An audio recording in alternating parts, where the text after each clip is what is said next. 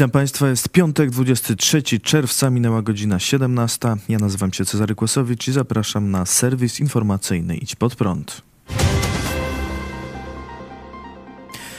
Ubiegłej nocy nad Polską zaobserwowano chińską rakietę. Około 5 minut po północy na niebie nad naszym krajem można było zaobserwować ciekawe zjawisko. Ni to meteor, ni to kometa. Świecący obiekt pozostawiający za sobą warkocz dymu. Nagranie zjawiska zamieścił kanał YouTube Slavic Reality, a także pasjonat astronomii Karol Wójcicki prowadzący na Facebooku stronę z głową w gwiazdach. Jak się okazało, tajemniczy obiekt to szczątki chińskiej rakiety. Polska Agencja Kosmiczna przekazała, że było to niekontrolowane wejście w atmosferę członu chińskiej rakiety Changzheng 2D o masie około 4000 kg. Rakieta w 2018 roku wyniosła na orbitę dwie chińskie satelity. Agencja zamieściła również oznaczoną przybliżoną trajektorię lotu szczątków. Kolorem czerwonym, a kolorem żółtym oznaczono prawdopodobny minimalny i maksymalny rozrzut trajektorii odłamków. Serwis Many.pl donosi, że Polska masowo sprowadza nawozy z Rosji, podczas gdy polscy producenci notują straty. Grupa Azoty, polski gigant produkcji nawozów, ma kłopoty. W pierwszym kwartale tego roku odnotował 555 milionów złotych straty. Przychody ze sprzedaży nawozów znacząco spadły. Tymczasem do Polski, mimo wojny w Ukrainie, ciągle wjeżdżają nawozy rosyjskie. Jak pisze Many.pl, są tanie i łatwo dostępne. Wielu rolników nawet nie wie, że kupuje rosyjskie nawozy, bo w Polsce są one przepakowywane do innych worków i często sprzedawane jako polskie. Tak miał powiedzieć dziennikarzom człowiek, który handluje właśnie takimi nawozami. Jak to możliwe, że rosyjskie produkty trafiają na polski rynek? Otóż sankcje nałożone na Rosję przez państwa Unii Europejskiej zawierają wyjątek. Jest nim kupowanie i dostarczanie żywności i nawozów. Unia Europejska pozostawiła tę furtkę, by zapewnić ciągłość dostaw do najbardziej potrzebujących krajów.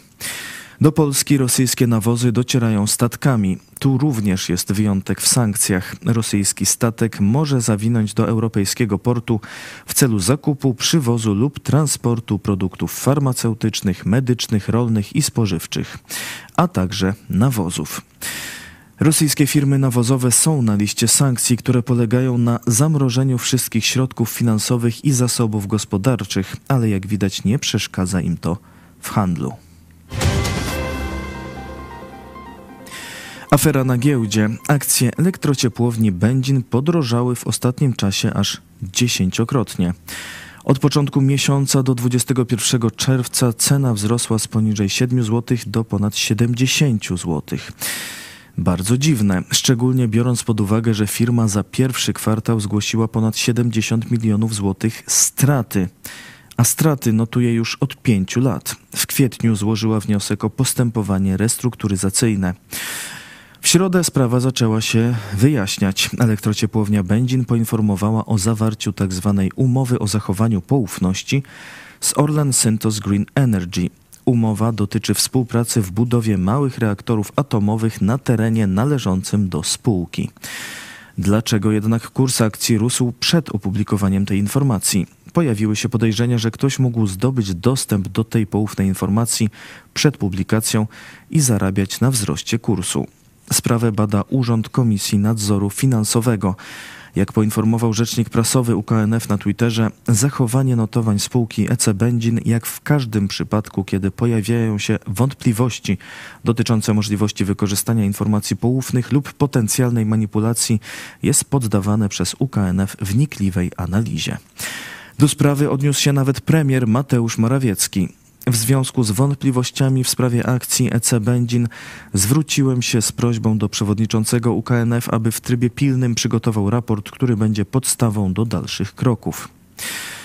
Tymczasem dziennikarze zaczęli szukać, kto zyskał na tym nagłym wzroście kursu benzina. Jak donosi m.in. Wyborcza, w czerwcu najwięcej akcji elektrociepłowni Będzin kupowała grupa Altum, która już wcześniej była największym akcjonariuszem benzina. Prezesem spółki Altum jest Przemysław Bałdyga, od niedawna także członek Rady Nadzorczej Elektrociepłowni Będzin. W 2018 roku Bałdyga był kandydatem do Rady Miasta Legionowo z listy Prawa i Sprawiedliwości. Pracował też w Szkole Wyższej Wymiaru Sprawiedliwości powołanej przez ministra sprawiedliwości Zbigniewa Ziobro.